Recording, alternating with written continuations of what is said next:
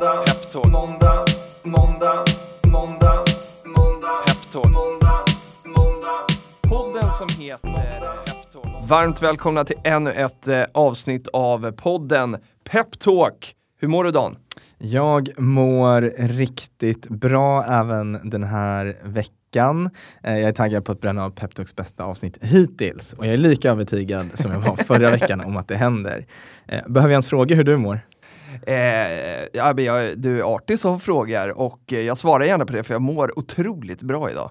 Eh, Djurgården vann ju SM-guld eh, förra veckan. Jag, jag, var lite orolig för att liksom berätta om det i podden för att man, eh, man skapar ju bara fallhöjd där. Men nu är jag ändå väldigt glad att jag gjorde det. Eh, jag har mått väldigt bra den här veckan. Man bara flyger som på rosa moln. Och jag brukar, jag tänkte faktiskt på det när jag var på väg hit. Eh, det var det är fredag den 8 när vi spelar in november. Eh, vi brukar spela in efter lunch, men idag spelar vi in väldigt tidigt på morgonen. Eh, och jag tyckte det var väldigt svårt att gå upp på morgnarna liksom, eh, sen mörkret började komma på en. Men idag bara flög jag upp och det är, eh, tror jag, till två tredjedelar av att jag ska träffa dig och komma hit och podda. Men sen är det en tredjedel där, det är fan Djurgården hänger kvar. Och jag, jag har tänkt som supporter att ja, men jag påverkas inte jättemycket av eh, så här, över tid hur, hur det går för Djurgården, tänker jag. Men den här veckan har jag känt att fasen vad det har påverkat mig positivt. Härligt. Jag kan också tänka mig att eh, emissionsrundan här med Sharespine har gett lite energi, för det var också lyckat. Ja, verkligen, vad kul. Eh, det var, vi öppnade ju Sharespine i onsdags eh, jag var i Göteborg eh, och körde ett öppningsevent och fick ringa klocka och sådär. Och det blev ju väldigt, väldigt bra. Den stängde då efter, efter ett dygn.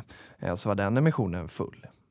Härligt. Och en, jag frågade dig eh, förra veckan om du skulle gå på något guldfirande och då mm. sa du nej, sån är inte jag. Och sen så på söndag så ser jag dig på Instagram stå där på Stockholms stadion och fira in guldet.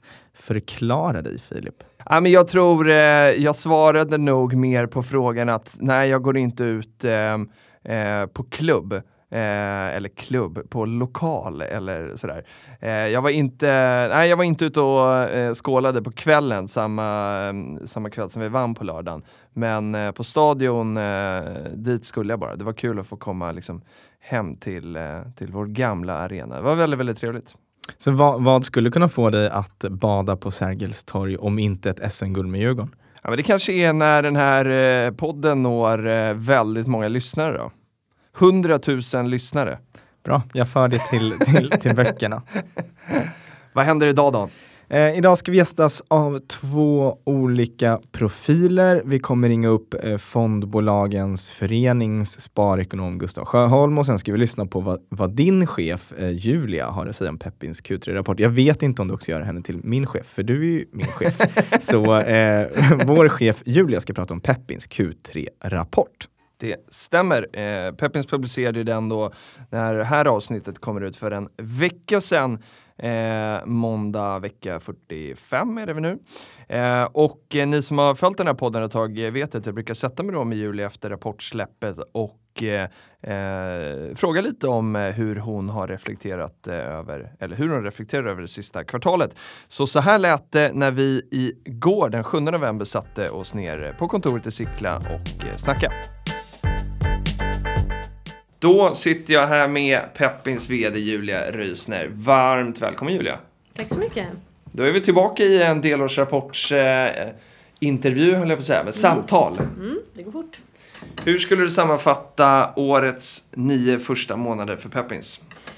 Eh, det har varit eh, bra och eh, spännande månader. Vi lär oss mycket hela tiden och eh, kul att jobba med ständigt nya och bra bolag och innovationer och entreprenörer. Eh, om man ska ta liksom, ekonomiskt så kan man säga att intäkterna ökar de första nio månaderna från 12,6 eh, till 14,1. Och förlåt, då pratar jag intäkter exklusive eh, omvärderingen av optionsportföljen som är en orealiserad eh, del av intäkterna som kommer att slå upp och ner hela tiden såklart. Mm. Men så det känns bra att vi eh, ökar på totalen och vi ökar även resultatet väldigt kraftigt från minus 16,8 miljoner till minus 12. Så att eh, det känns som att vi är på väg i rätt riktning. Sen har vi tyvärr en negativ omvärdering av vår optionsportfölj på 3,2 miljoner. Som dessutom slogs väldigt hårt senaste kvartalet med minus 1,8. Och nästan hela det berodde på omvärdering eh, av aktiekursen i litium. Just det. Det gjorde att vi backade 1,7 miljoner. Men den där eh, raden kommer som sagt att fluktuera över tid. Eh, Så det är bara att vänja sig vid. Men på lång sikt så räknar vi med att den kommer att ha väldigt positiv effekt. Ja, men för, vi kan väl förklara liksom, bakgrunden till att vi har en optionsportfölj. Mm. Vad är den? Ja men absolut.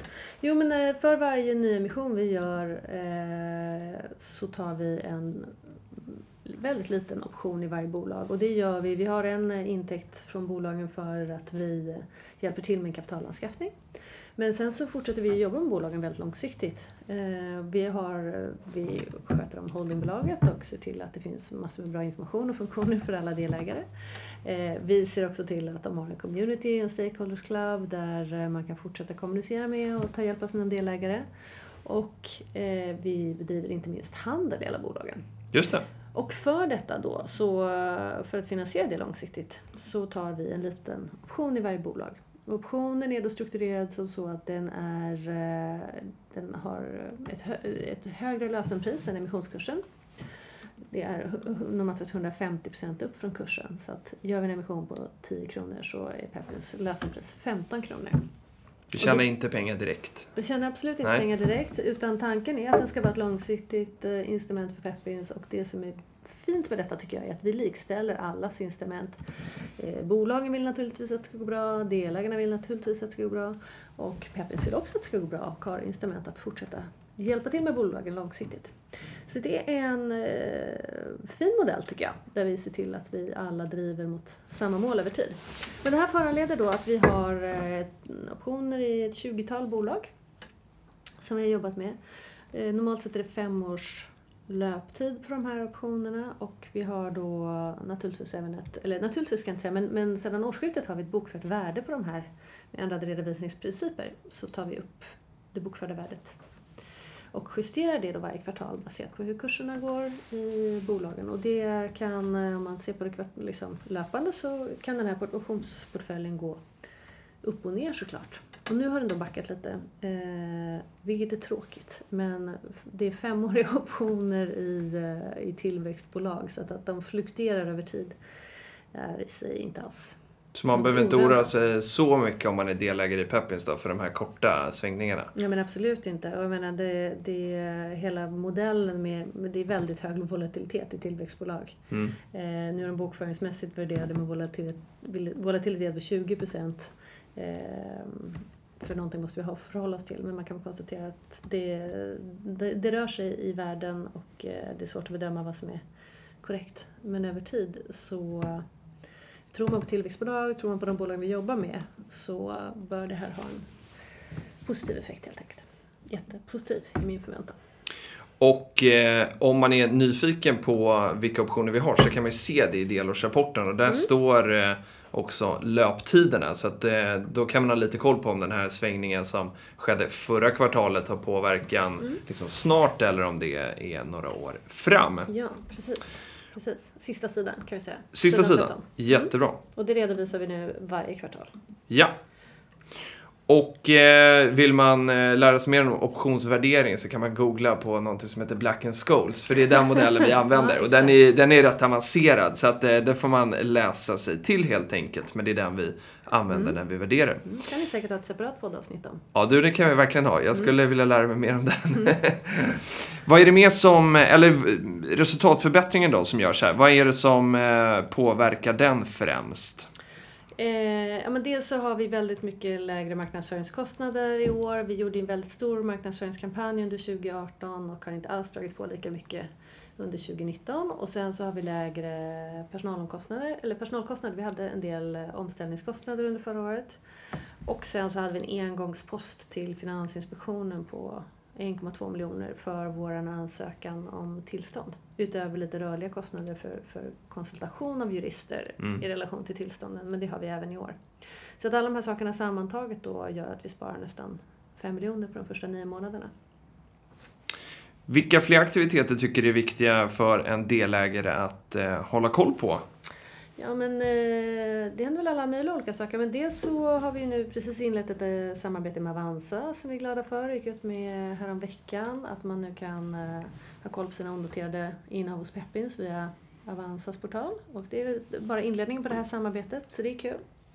Sen, nu har vi pratat en del om emissionerna men handeln går ju fantastiskt bra också. Volymerna ökar med 21 procent de första nio månaderna och antalet avslut ökar med 57 procent. Så det är kul. Ökade aktiviteter, fler som deltar och handeln går bra i största allmänhet. Sen har vi ju några strategiska projekt. Vi har eh, vår ansökan till eh, FI om en mm. MTF. Och eh, där väntar vi fortfarande på besked. Men vi ser ljuset i tunneln nu i alla fall. vi ser ljuset i tunneln och de har lovat återkoppling i, under Q1. Ja, vi får se om det är ljus, det vet vi inte än. Nej, Men eh, vi ser eh, någonting där framme i alla fall. Precis, precis. Och eh, sen jobbar vi vidare på Peppercon såklart. Mm. Eh, och jag hoppas att vi ska ha mer att säga om det snart. Men just nu kan vi vara mm, ja, teknikutvecklingen pågår eh, och även marknadskonceptet eh, jobbar vi vidare med. Så jag hoppas på att ha ny information om det inom kort. Mm. Inte just idag dock. Vi återkommer till det. Ja. Om vi ska dyka in på det här tredje kvartalet specifikt då. Eh, finns det någonting särskilt som du vill lyfta fram? Eh, ja, absolut. Dels så uh, slutförde vi en emission i TechBuddy. Mm. Jätteroligt. Man kan säga att på emissionsfronten så är, är Q3 alltid ganska långsamt för att i juli är folk på semester och ah. början av augusti vilket innebär att vi öppnar aldrig några emissioner förrän i bästa fall uh, tidigt september. Och så ska de förberedas lite där. Så det, det händer sällan så jättemycket i Q3. Så har det varit varje kvartal sedan jag var här i alla fall. Men eh, TechBuddy pågick under sommaren och slutfördes och var lyckad. Så det var jättekul. Det blev ett himla drag mot slutet. Och eh, sen har vi två nya bolag för handel. Det är Takutaku och Smart Group som vi mm. tidigare har gjort emissioner i, som nu handlas. Och sen eh, kan man också nämna att vi har gjort om vår profilering. Jag nämnde det i delårsrapporten också. Vi har diskuterat mycket hur vi ska profilera oss och eh, vilka, liksom, hur vi ska lyfta fram vad vi gör. Ehm, och vi pratar därmed nu eh, om vårt bredare erbjudande. Vi har varit väldigt fokuserade på våra, emissions, eh, våra emissioner som vi liksom drog igång med buller och bång för tre år sedan och eh, har jobbat väldigt mycket med sedan det varit ett nytt affärsområde och resultatben. Men vi gör ju mycket annat också. Dels gör vi inte bara liksom, breda publika emissioner utan vi gör faktiskt även private placements också och det gör vi för att vi har sett att det passar en, del av bolagen passar det bättre att eh, ha en mindre ägarskara med färre strategiska ägare. Även om vi tycker om att bjuda in allmänheten så vill vi också göra det som är bäst för respektive bolag. Mm.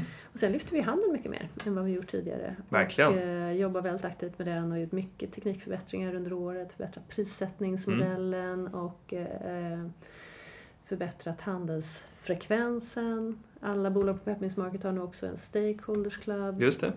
Och vi gör eh, vårt bästa för att aktivera även handeln, vilket ju ger resultat också. Så det är kul. Verkligen. Mm. Och eh, om vi ska eh, bara prata om vad som händer här och nu. Vi kan ju passa på, även fast eh, det här är en delårsrapportssamtal, eh, men igår så eh, öppnade vi ju emissionen i Sharespine. Det är torsdag den sjunde när vi spelar in det här då. Så den mm. sjätte så eh, öppnade vi för Sharespine. Hur är känslan där? Det är måndag när man ja. lyssnar på det här. Eh, och då, då vet man kanske. Exakt, då, då, vet man med allra största sannolikhet att det har gått fantastiskt bra. Det, det alla kan se redan nu är ju att den rusade iväg på sajten igår kväll med flera hundra människor som investerade liksom redan första kvarten. Mm. Så det var jättekul och eh, nu vet vi att det är bara några tusen lappar kvar så att vi går och väntar på för att klockan ringer här utanför. Exakt. Med lite tur kanske vi gör det redan nu. Ja, men så det är väldigt kul. Det är ett fint bolag som vi är väldigt glada och stolta över att ha jobbat med och har gjort mycket jobb för. Så det känns jätteroligt att det är sånt eh, intresse som bolaget förtjänar tycker jag. Ja, det är fantastiskt och eh, Eh, hela bolaget tror jag nästan, de flesta var på plats i Göteborg också när vi, mm. när vi öppnade och eh, häftigt att få se ett bolag få, få ringa i klockan sådär. De, eh, mm. är riktigt, riktigt häftigt. Och vill man se eh, det här eventet som, eh, som vi livesände igår så finns det på Peppins YouTube-kanal. Eh, och där kan man höra en ganska lång eh, presentation och frågestund eh, med vdn Runar Wahlgren. Då. Det var enormt mycket frågor från publiken så att jag kunde vara tyst hela tiden. Det var perfekt. Ja, det är roligt. Vi ska avsluta med en fråga från Dan också som undrar så här. Hur ser du på framtidsutsikterna för podden? Utifrån pepp, peppis perspektiv då. Ja, men jag räknar med att det är vårt tredje affärsben här inom kort som ska stå för ganska väsentlig del av omsättningen. Ska vi hälsa Dan? Ja men det ska vi alltså då. Bra, då sätter vi lite förväntan. Ja exakt. Nej men eh, skämt åsido. Vi, eh, det är jättekul med nylanseringen av podden. Jag tycker att det är en otroligt viktig kanal för inspiration och utbildning. Och de jag pratar med väldigt, tycker väldigt mycket om podden. Jag kanske bara pratar med snälla människor. Vi, hoppas att det är både och i alla fall. Men det är vad snälla människor tycker som är viktigt. Ja men exakt, exakt. Nej, men så tanken är att den ska fungera eh, som eh, ja, men inspirerande och utbildande kanal både för alla som eller investerar och att man ska lära sig mer om onoterat och vad som är viktigt att tänka på, hur man gör och så vidare. Men också att eh, det ska finnas tips för entreprenörer som söker kapital. Så att sammanföra våra två kundgrupper helt enkelt. Kul! Mm, Och stort men- tack för att du gästade idag. Eller du ville Ja, säga tack, något sista? Tack. Ja, jag tänkte säga att jag förväntar mig att det ska vara väldigt många lyssnare snart också. Ja, verkligen. Det, redan, eh, Det växer. det växer Det för, finns för tillväxt. Det gör det verkligen. Stort tack Julia. Mm, tack själv. Det var avsnittet med, eller avsnittet, det var samtalet med Julia. Mm. Härligt. Och eh, då var det dags att presentera gäst nummer två, Gustav Sjöholm. Eh, och jag har i sedvanlig ordning googlat lite eh, och kanske att vi, eller här får du påminna mig Filip, jag vet inte om vi någonsin, få, någonsin fått så här många träffar. När jag googlade på Gustav Sjöholm så kom det fram 305 000 Oj, träffar. det låter mycket. Ja, det är, det är en hel del och högt upp i Serpen eh, eller på Google så hittar jag även en artikel i Expressen där Gustav säger att vi ska skita i vad Trump twittrar. Vi ska Mhm. spara långsiktigt och kontinuerligt på börsen istället. Eh, Fondbolagens förening, en snabb googling på det, eh, får i sin tur 43 100 träffar. Men jag tänker att Gustav får berätta lite mer om vad de pysslar med. Då öppnar vi studiodörren och välkomnar in Gustav då.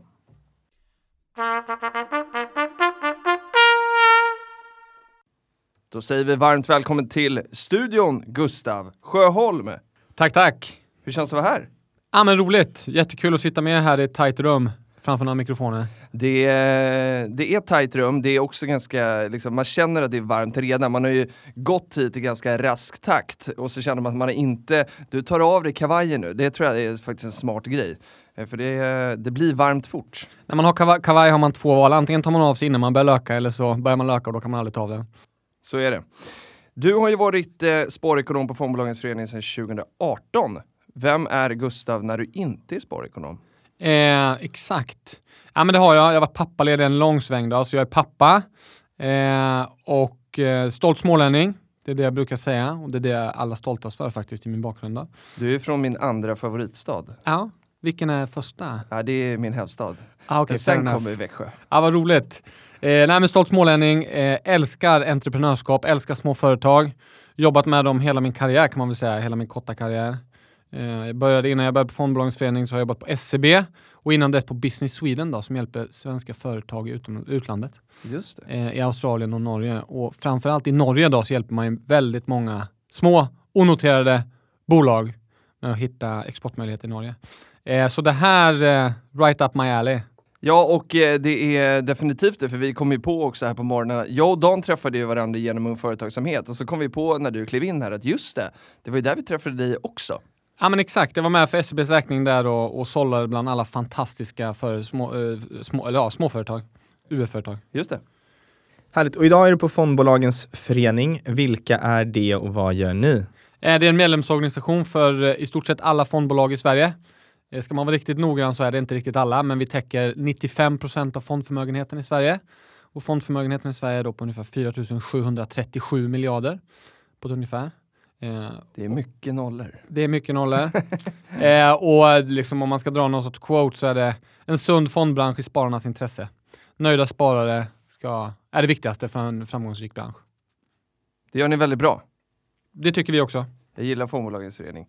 Eh, men idag, eh, eller men idag, idag så ska vi snacka mest om den onoterade aktiemarknaden. Eh, för det är, det är det vi gillar i den här podden. Eh, och eh, då är min fråga, vad är din relation till onoterat? Ja, men lite som jag var inne på så är det, jag har jobbat med dem hela min karriär kan man väl säga. Eh, de är mina idoler, entreprenörer, alltså mina stora idoler, tillsammans med flerbarnsföräldrar, mm. om jag ska vara ärlig. men jag har träffat dem enormt mycket, framförallt när jag jobbade på Business Sweden i Norge. Då kan det vara att Greta ringer med sina äpplen vid gränsen till Norge, för Norge är inte med i EU, och då vill ha hjälp. Eh, och de är fantastiska och det är kul att kunna hjälpa dem när man kan. Det är väl min relation till onoterat. Härligt. Och hur sparar du själv då i aktiemarknaden? Eh, framförallt i fonder. det har varit som att svära i kyrkan annars om man säger att man bara sparar i aktier. Eh, men, eh, men framförallt i fonder, men också lite i aktier. Det beror lite på vad man ska ha pengarna till. Och just nu så kanske jag sparar till ett lite större inköp och då är man inte lika exponerad till, till aktier, utan då kanske man lägger lite mer på, på ja, men lite säkrare fonder. Då. Eh, men i alla delar, liksom i alla delar av sparandet och pensionspyramiden så sparar jag i, i aktiemarknaden. Jag tycker det är ganska vanligt eh, när, man är, när man träffar folk och så frågar man om de sparar i aktier. Så, Nej, jag sparar i fonder. Eh, så frågar man, ah, vad har du för fonder? Så, ja, men då har de ju bara aktiefonder. Ja. Eh, och, och, det känns ibland som att man, liksom, man missar att man är på aktiemarknaden för att man har med fonder att göra. Du kan ju få ja, exakt visst. samma exponering med fonder, det är ju fantastiskt. Ja men visst, ja, men visst. Ja, men så är det. Eh, ja men så är det. Och jag menar fonder älskar ju aktier. Mm. Så, men det är bara ett mellanled och det är någon som sköter allt jobb åt dig. Eh, det är det som är det fantastiska med fonder.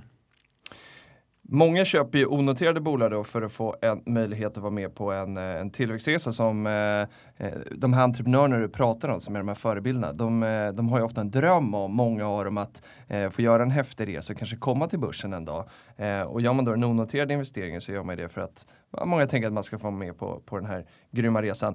Hur, om man handlar fonder eller gillar fonder, så här, kan man få en sån här exponering i den produkten? Ja, men det, det, det kan man och det här kommer vi komma tillbaka till tror jag ett par gånger. Men eh, alltså fonder är ju med på tillväxtresan. Om än så lite senare tillväxtresan, strax innan en IPO eller en mm. börsintroduktion. Det är då de här småbolagsfonderna som vi kommer tillbaka till, det är ofta då de kommer in. Just det. Eh, det finns lite regelverksstyrning och lite praxis som säger att en fond, liksom, småbolagsfond inte ska gå in i ett bolag förrän de är redo för en IPO. Då ska man ha max ett år till en IPO eller en börsintroduktion. Eh, så som liksom fondandelsägare eller sparare så får man ju per definition vara med på en tillväxtresa. Eh, om man är i en småbolagsfond som har exponering mot onoterade aktier, om man har liksom ut, utarbetad strategi att gå in i onoterade aktier eh, när det passar och när man ser att eh, ja, men börsintroduktionen är max ett år bort. Hur mycket onoterade aktier finns det i svenska aktiefonder? Finns det någon siffra på det? är jättesvårt att säga. Det finns säkert en siffra, men jag har inte lyckats eh, hitta den. Och du har ändå eh, gjort research, sa du till oss innan? Ja, exakt. Jag har försökt att hitta och det, det, nu kommer säkert någon lyssna på det här och säga men det är jättelätt att hitta. Men, det är eh, bra, för då lär vi oss. Ja, men exakt. exakt. exakt. Eh, men alltså, jag skulle gissa på att det, alltså inte så jättemycket.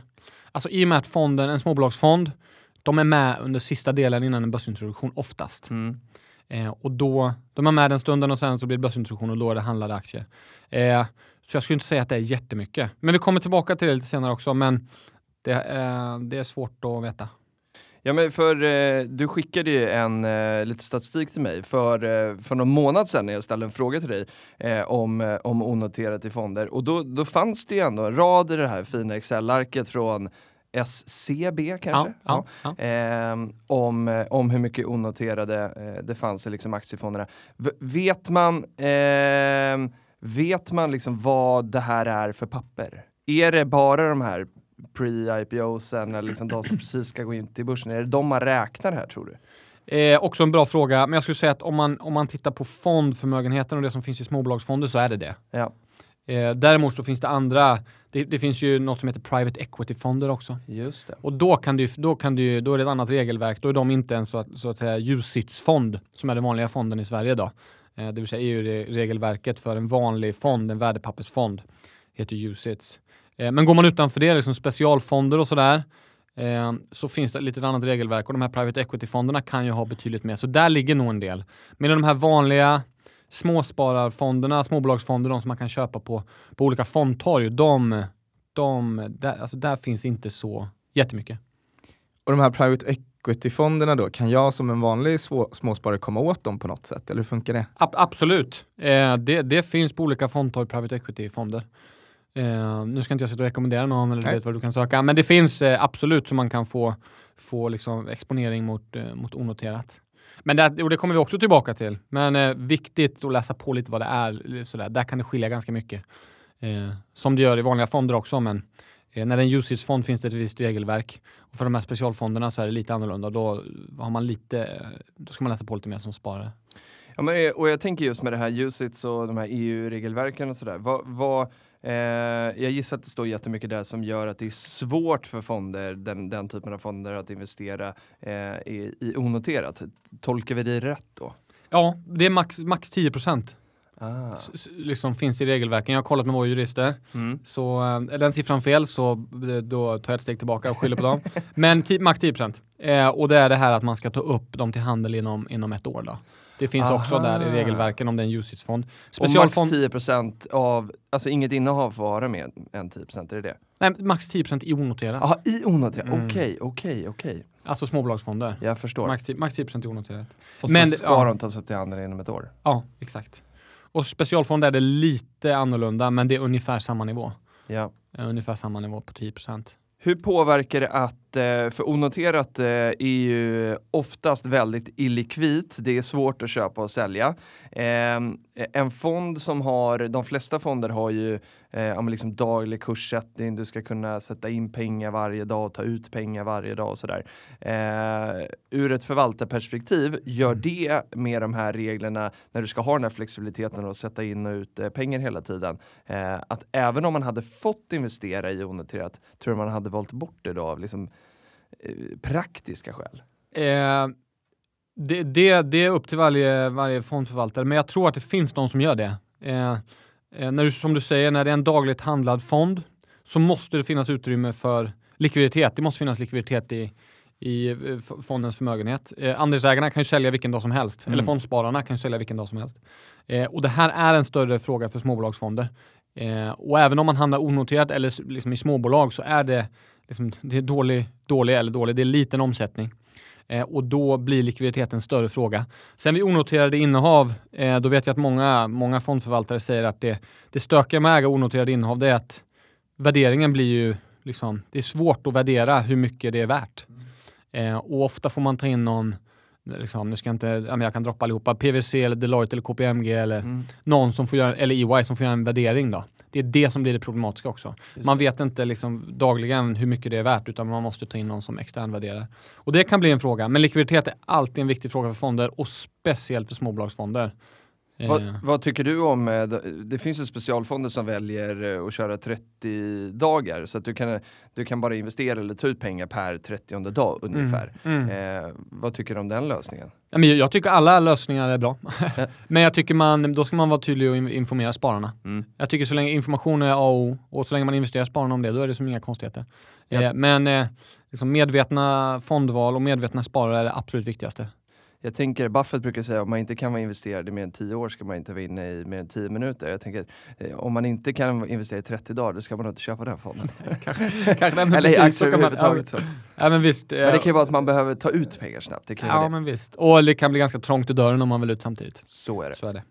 Bra. Det är därför man sparar ekonomiskt för då får man alla bra argument, eller hur då? Eller hur? Småbolagsfonder, det finns ju många som marknadsför sig som det. Vad, vad skulle du säga är definitionen eh, av eller för en sån? Eh, det här finns det lite olika då. jag eh, tror inte jag har svarat ordentligt på någon fråga än så länge. Men här finns det lite olika. Vissa säger att det inte, eh, ett småbolag får inte vara större än 1% av börsens totala marknadsvärde. Så små alltså? Och då har man sett, landar vi då? ja, så säger att börsen är 8000 miljarder. Ja. Alltså ungefär, jag vet inte riktigt, men 8000 miljarder. Liksom 1% av det. Mm. Det är ett ganska stort bolag ändå, 80 miljarder Mm, verkligen. är det väl. Ja, Ja, absolut, exakt, bra. absolut. Eh, så, så vissa säger det, så det är som ganska stora bolag. Vissa säger 0,5 procent, men det är fortfarande 40 miljarder. Eh, och vissa säger att det får vara max 5 miljarder i omsättning.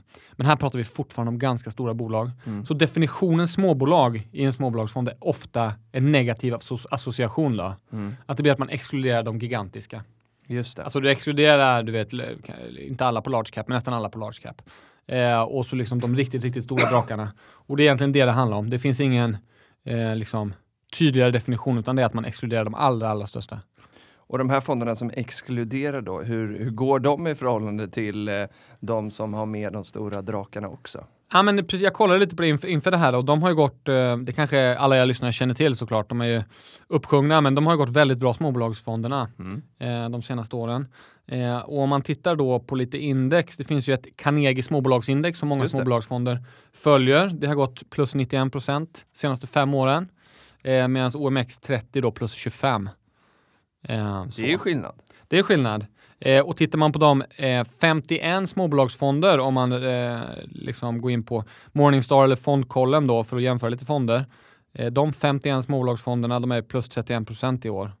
Eh, så de har ju gått väldigt, väldigt bra. Och tittar man på standardavvikelsen som ett mått på hur hög risk det är, då kan man tänka att det skulle skjuta iväg för småbolagsfonder till högre risk, men det gör det faktiskt inte. Utan över tre år så har det legat ganska lika.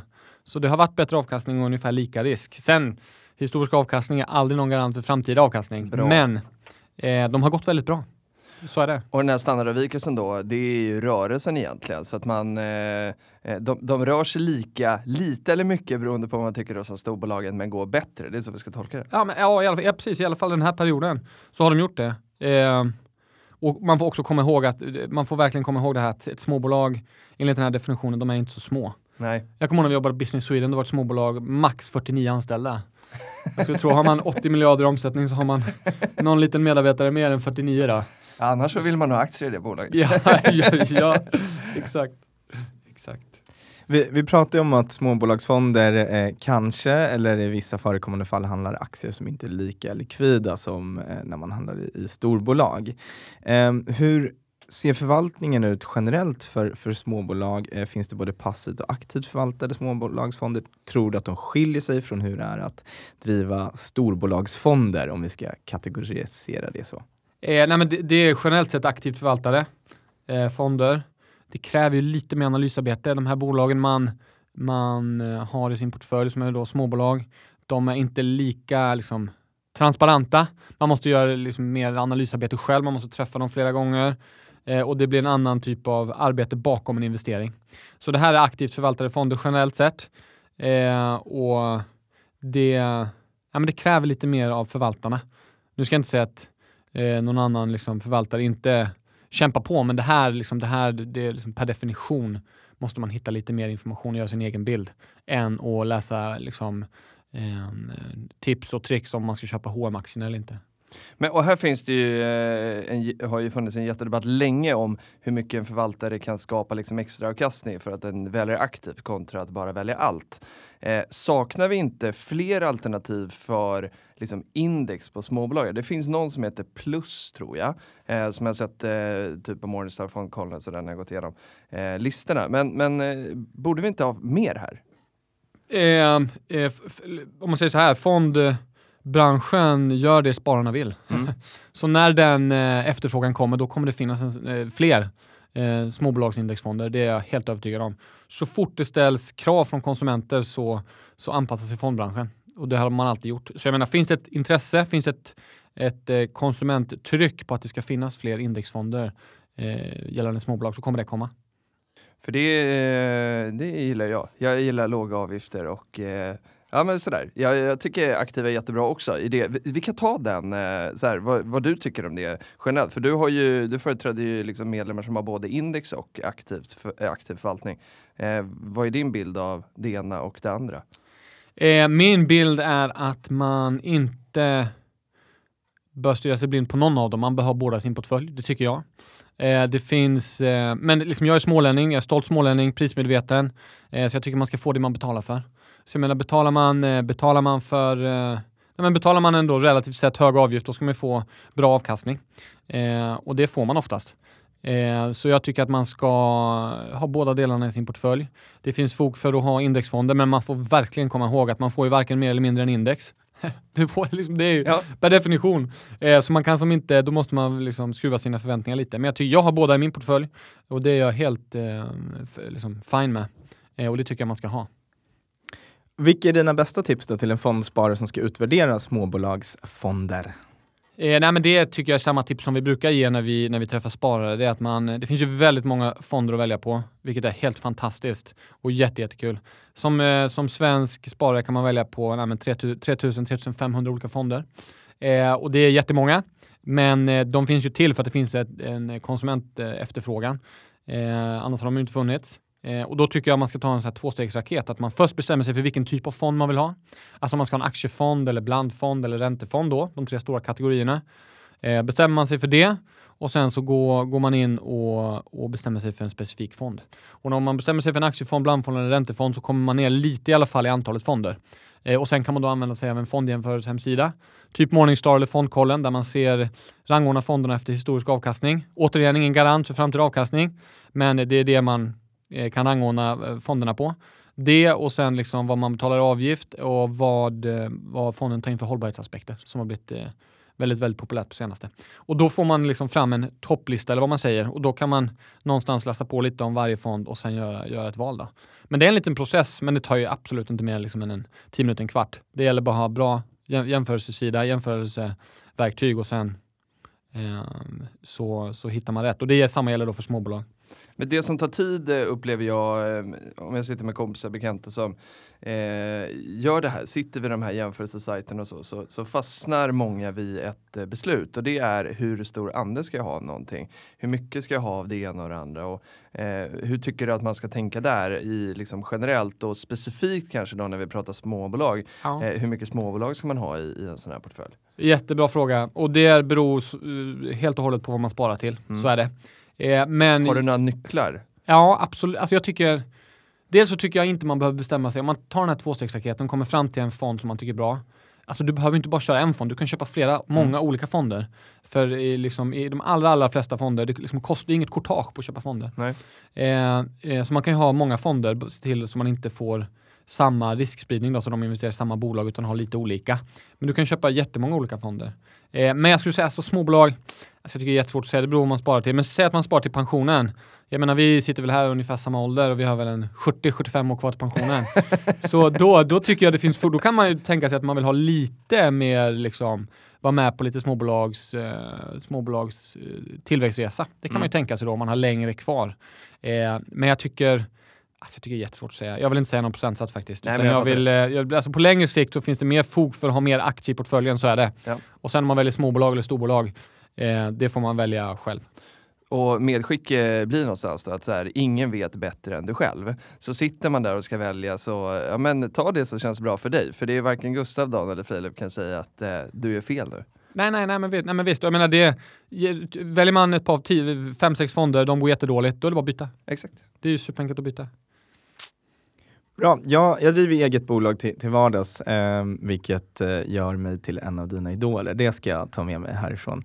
Eh, och det är, ett, liksom, det är ett småbolag på, på riktigt. Vi är inte uppe på, vad sa vi, 40 miljarder eller något sånt där. Inte än. Inte ehm, men som entreprenör och, och vd för ett mindre bolag, eh, vad tycker du är viktigast att tänka på när man, eller kvinna för den delen skulle ha fonder som ägare? Och liksom, varför ska jag ha fonder som ägare? Hur, hur tror du att det är från entreprenörssidan? Ja, Eh, alltså jag, jag, tror någonstans ändå, du får rätta mig om jag har fel då, men som ägare vill man ha långsiktiga investerare. Eh, och som fond måste man vara långsiktig. Eh, och jag, liksom, det finns många positiva grejer med att ha en fond som ägare, men en är ju det, långsiktigheten. Det andra är att det är en ganska kapitalstark ägare. Behöver man göra något uppköp eller behöver man skjuta till kapital av andra anledningar så, så ja, men då är det ofta en kapital, då har man fonden ofta kapital som kan hjälpa till. Sen en grej som man ofta missar här och det med att ha en fond som ägare, det är det här med nätverket. Alltså det här med, eh, ofta när jag pratat med, med småbolagsförvaltare här i veckan, då är det att ägare ofta uppskattar att man har ett stort nätverk, till exempel när man ska utse sin styrelse. Alltså att ofta sitter fonder med i valberedningar och sådär och kan hjälpa till med, med nätverket.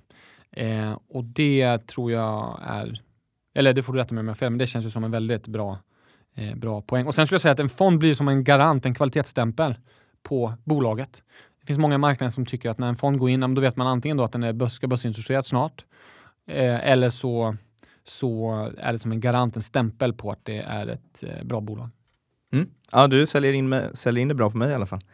Eh, jag, jag har länge haft en tanke eh, om att bankerna, eller, eller Pe Peppins för den eh, sakens skull, eh, med sitt lokala nätverk och kunnande borde driva regionala fonder med onoterade bolag och småbolag på riktigt.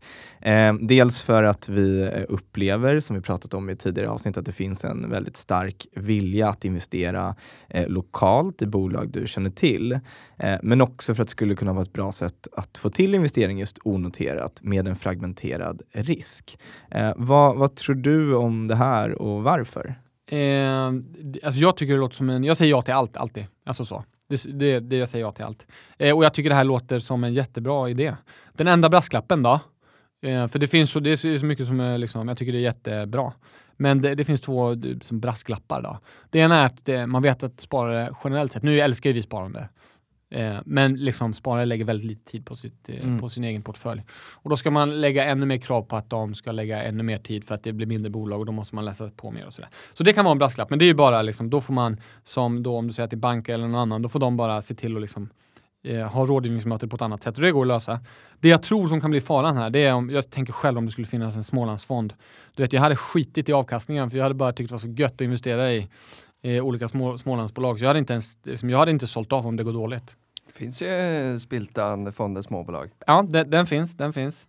Ehm, eh, men det är det enda. Eller att man- småbolag. Den heter Småland. Det är, Ja, ju- gör det. det är små bolag i Småland. Typ. Ja.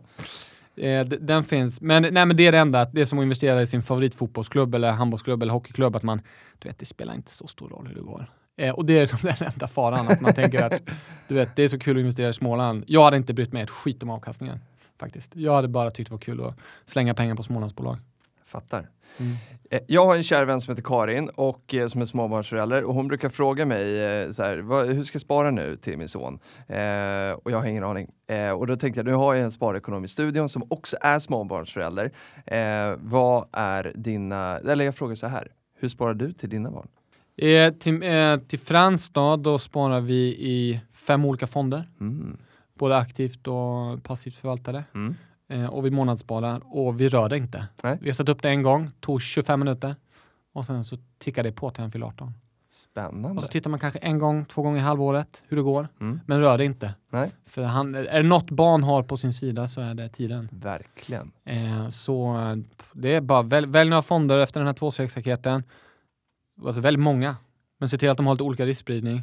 Och sen så är det bara att köpa i upp och nedgång. Och sen när de är 18 så blir det, då blir det trevligt. Ex, ex, Då kan de göra vad de vill. det man ska komma ihåg, då, det, nu, nu hör inte det hit i den här podden, då, men det är om man sparar liksom barnets namn eller inte. Det är ju det. jätte, jätteviktigt. Hur gör du? Vi sparar, jag sparar i mitt eget, eller vi sparar i våra egna namn. Att vi Mm. bestämmer när han får pengarna. Just det, Eh, precis. Eh, men man kan ju spara i barnets namn, men då får ju de pengarna när de fyller 18. exakt. Eh, och riktigt så mycket litar jag inte på Frans. Nej, och gör du det när, när han fyller 18, så, då kan du ge dem då. exakt, Ja. exakt, Du har valfriheten. exakt. Stort tack Gustav, det var jättekul att ha dig i studion. Tack själva. Varmt välkommen tillbaka. Tack! Tack.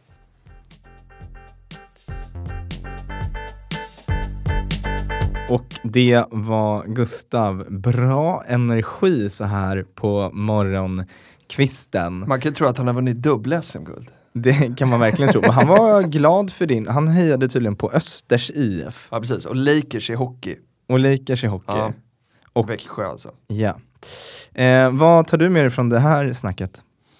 Men eh, jag gillar Gustav, han har enormt mycket energi och man blir, eh, man blir alltid glad när man träffar honom. Ehm, och han, han har en, eh, så här, varje gång jag träffar honom så tänker jag att nu ska jag gå hem och spara i fonder. Eh, för han, han talar så vackert om det. Ja. Jag har en, en, en fundering på, på fonder och småbolagsfonder specifikt. Eh, vi pratade lite om att eh, aktierna i småbolag kanske inte är lika likvida som i storbolag, så de handlas inte lika mycket så det kan vara svårare att komma ur en position. Ja. Eh, innebär det här, tror du, att eh, småbolagsfonderna måste ha mer cash eh, i händelse av att du som fondsparare vill plocka ut dina pengar och i så fall påverkar det totalavkastningen för att de inte ligger lika investerade? Eh, så kan det ju vara, men sen fonder har ju alltid väldigt mycket liksom regler kring sig och jag tror att en, en av de här reglerna är eh, men, hur, hur mycket man ska ha i aktier, eh, eller vad, vad det ska vara minst. Eh, och det gör det lite problematiskt då att ha cash. Och vem vill ha cash när man eh, sparar långsiktigt i aktier? Ingen. Eh, så det man gör då, eh, många småbolagsfonder, är att de köper ett bolag som är väldigt likvid. Eh, det är väldigt lätt att köpa och sälja aktier i den och det brukar man se om man går in på en småbolagsfond så ser man att, ja men vänta nu, här ligger ju något large cap-bolag. Eh, ja, och det är liksom deras kassa. Eh, den som de använder som lite eh, eh dragspel när de, de här flödena kommer in eller drar ut. Så.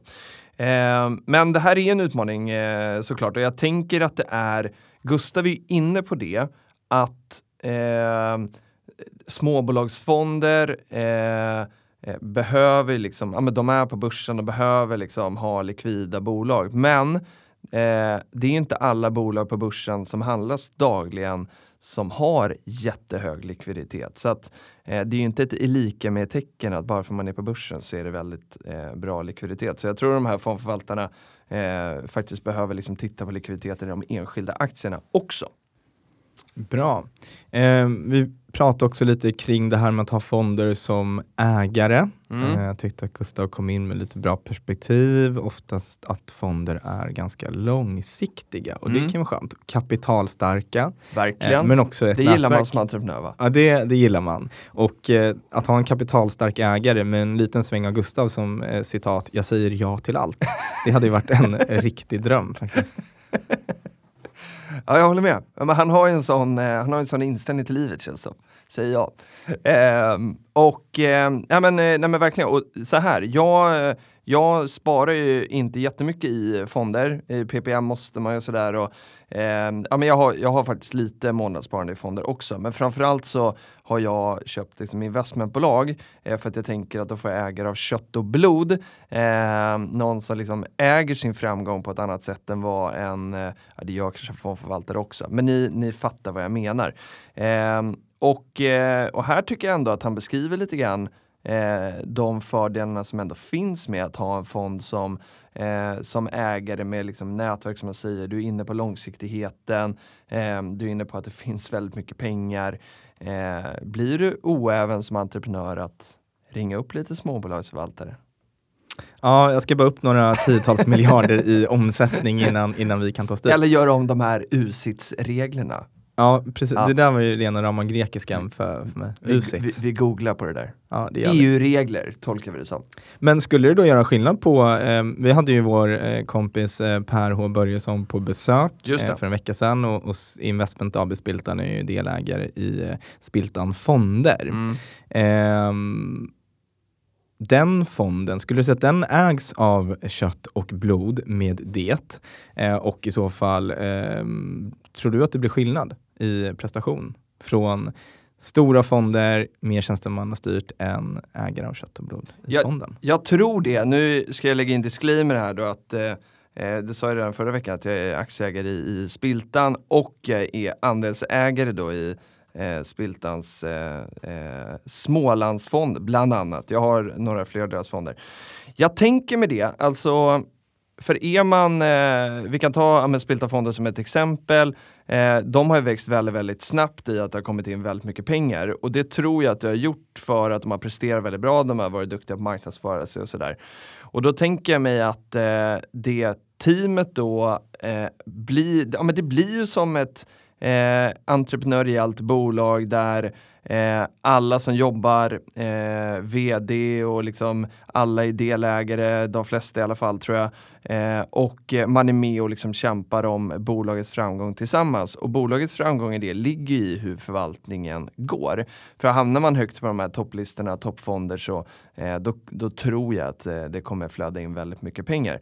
Eh, så på det sättet så, eh, så äger man ju sin framgång och eh, är inte lika mycket tjänsteman tänker jag som om man sitter på en, en jättestor institution där man förvaltar väldigt mycket pengar. Eh, så, där du kanske inte har ett ägarintresse på samma sätt. Men gå, och det, det, här kanske inte du kan svara på, men nej, säg att jag då sitter och ska välja vilka fonder, och disclaimer, jag är också andelsägare i lite Spiltan-fonder och äger mm. också Spiltan-aktier. Men eh, kan man se om fondförvaltarna, alltså hur investerade de är i sina egna fonder? Alltså finns det något sånt insynsregister? Pilotskola? Ja, du tänker så. Jag vet faktiskt inte. Jag gissar att de flesta, jag förutsätter att de flesta fondförvaltare sparar själv i sin egen fond. Det hade varit helt sjukt annars. Eh, men, eh, för jag vet ju Finansinspektionen, där kan man ju titta på, eh, men, på börsbolagen och hur insynsregistren ser ut och, och sådär. Hur mycket folk äger som insynspersoner och eh, när de köper och när de säljer. Det hade varit väldigt klädsamt att ha det även för fonder. Gustav, Ja, Gustav fixar det på här. Tack. Ka- Kan vi lägga in det i fondfaktabladen till de här fonderna? Det hade varit, det hade varit väldigt, väldigt bra. Vad tänker du om det? Alltså eh, ägare av kött och blod, Per Håkan kontra fondförvaltare. Är det någon skillnad? Nej, men jag tror att det, det blir väl som, eh, jag, jag tycker mig utifrån ha sett här på sistone att eh, man, alltså fondförvaltaren som förvaltar fonden blir viktigare och viktigare när man väljer, väljer fond, i alla fall i, i aktiva fonder. Och jag tror att eh, det är väl en utmaning om jag skulle ta in en fond som äger i mitt bolag, att fondförvaltaren kan ju faktiskt sen gå, gå vidare. Och eh, hur kommer fondens eh, ägarstrategi att förändras då? också det här nätverket som, som Gustav pratade lite om som en fond kan komma in med. Eh, om fondförvaltaren som är den som faktiskt sitter på nätverket och har kontakt med bolaget, om han går till en annan fond, jag sitter kvar med den gamla fonden Ja. som ägare. Ehm, det, det ser jag som en, en potentiell utmaning. Men sagt, jag har väl ungefär 39 miljarder kvar innan jag är där, så jag har lite tid att tänka på, på det. Ja, Och, men sen tycker jag Gustav säger en väldigt bra grej att, att eh, blir det tokigt som i att har man en idé om att man investerar i en fond för att man gillar förvaltaren eller man investerar i en fond som eh, som man tror ska gå bra och så går den dåligt. Det blir inte som man har tänkt sig. Då är det bara byta. Det är ju inte värre Mm. än så faktiskt. Vi är jättenyfikna på att höra vad ni eh, tycker om eh, dagens avsnitt. Maila gärna till peptalk.peppins.com eller skriv till oss i sociala medier. Eh, då hittar man oss på join peppins på Instagram och Twitter. Eh, och som vanligt så går det bra att skicka inspelade eh, frågor. Om man eh, vill ställa frågor till oss eller en gäst som ska komma så kommer vi spela upp dem här i, i podden. Var prenumererar man då? Överallt. Överallt! Vi finns på Soundcloud, Acast, Podcaster och såklart Spotify. Mm. Och för fjärde gången i Ja, rad eh, så har vi en disclaimer här. Det går riktigt bra nu. Den här podden produceras för Peppins och inget av innehållet ska ses som finansiell rådgivning. Investera i aktier är förenat med risk som innebär att man kan förlora delar eller hela det investerade kapitalet. I det här avsnittet har vi snackat om Peppins och eh, lite spiltan kort då, men det har vi disclaimat redan. Vi. Eh, Filip äger aktier i Peppins och det gör Dan också. Vi har ju pratat lite Sharespine med. Eh, och där investerade jag faktiskt eh, igår. Eh, viktigt att säga. Vi, eh, personal på Peppins får inte investera förrän efter 24 timmar att emissionen öppnar. Eh, så jag väntade 24 timmar och sen investerade jag. Bra. Och jag var inte med där. Nej. Nej. Men det kommer nog ett handelstillfälle någon gång, så då har du god tid att läsa på det inför det. Hörrni, stort tack för idag. Eh, önskar er en trevlig vecka och dig Dan en trevlig helg. Detsamma, vi hörs. Hej.